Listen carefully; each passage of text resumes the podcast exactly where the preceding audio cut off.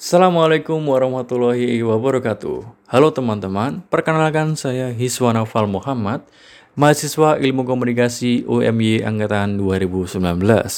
Kembali lagi di podcast saya, Podcast by Val.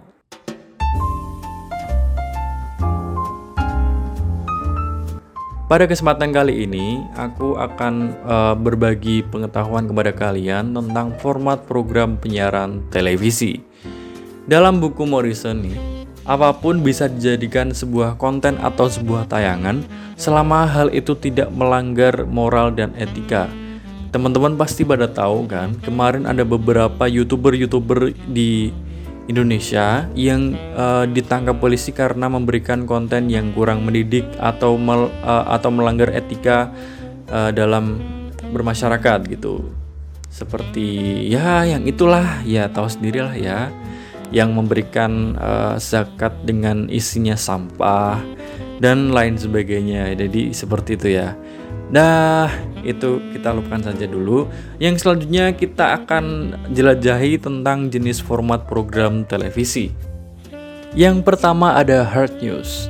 Hard news adalah semua informasi penting dan menarik yang harus segera disajikan seperti flash news yang ditayangkan secara langsung pada waktu-waktu tertentu. Kemudian ada feature atau berita ringan adalah berita yang menarik, lucu, unik, aneh, dan yang menimbulkan rasa ingin tahu penonton. Infotainment, ya pasti teman-teman pada tahu kan infotainment itu seperti apa. Infotainment adalah berita yang berisi tentang informasi ringan seputar dunia selebritis, tentang profil atau tentang kehidupan mereka. Yang selanjutnya ada current affair, program yang menyajikan informasi sebelumnya namun dikemas secara mendalam, terikat dengan waktu seperti bencana alam dan tsunami. Selanjutnya ada dokumenter, program yang berisi rekaman yang bertujuan untuk pembelajaran dan pendidikan, mengedukasi teman-teman. Namun disajikan dengan menarik seperti menarasikan tentang sesuatu tempat, kehidupan atau sejarah. Pasti teman-teman udah pada tahu kan channel seperti punyanya Mas Dandi Laksono, Watchdog Image dan lain sebagainya atau seperti National Geographic yang membahas tentang edukasi uh, alam, tumbuhan dan hewan. Jadi seperti itu teman-teman dokumenter. Selanjutnya ada reality show yang menampilkan berlangsung apa adanya, natural tapi dalam tanda kutip ya berarti ada settingan yang ada di dalamnya dan tanpa skenario ini sebenarnya salah ketik deh salah ketik skripnya Oke lanjut. Ada talk show, talk show. Sebuah program yang menampilkan satu atau beberapa orang untuk membahas suatu topik tertentu yang dibantu oleh pembawa acara. Pasti teman-teman pada tahu tentang bukan empat mata yang sesuai yang selalu menggembar-gemborkan jargonnya yaitu kembali ke laptop. Lah itu yang selalu terngiang-ngiang di dalam otak saya sampai saat ini itu acaranya sudah lama mungkin sudah bertahun-tahun ya. Mungkin sejak saya kecil sampai saya kuliah semester 3 ya masih terngiang-ngiang gitu loh kata-kata kembali ke laptop itu. Jadi ya sekuat itu ingatannya.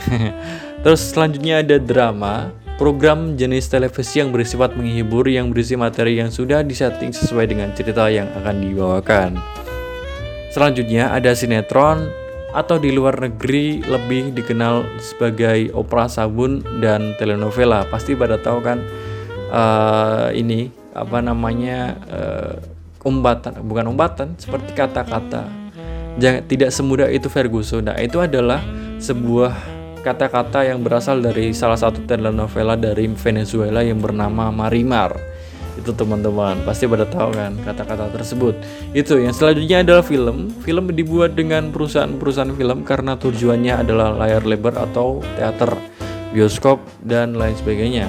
Ada game show program yang melibatkan beberapa orang untuk bersaing dalam mendapatkan sesuatu seperti Benteng Takeshi dan Ninja Warrior. Pasti pasti pada tahu kan uh, kalimat ini?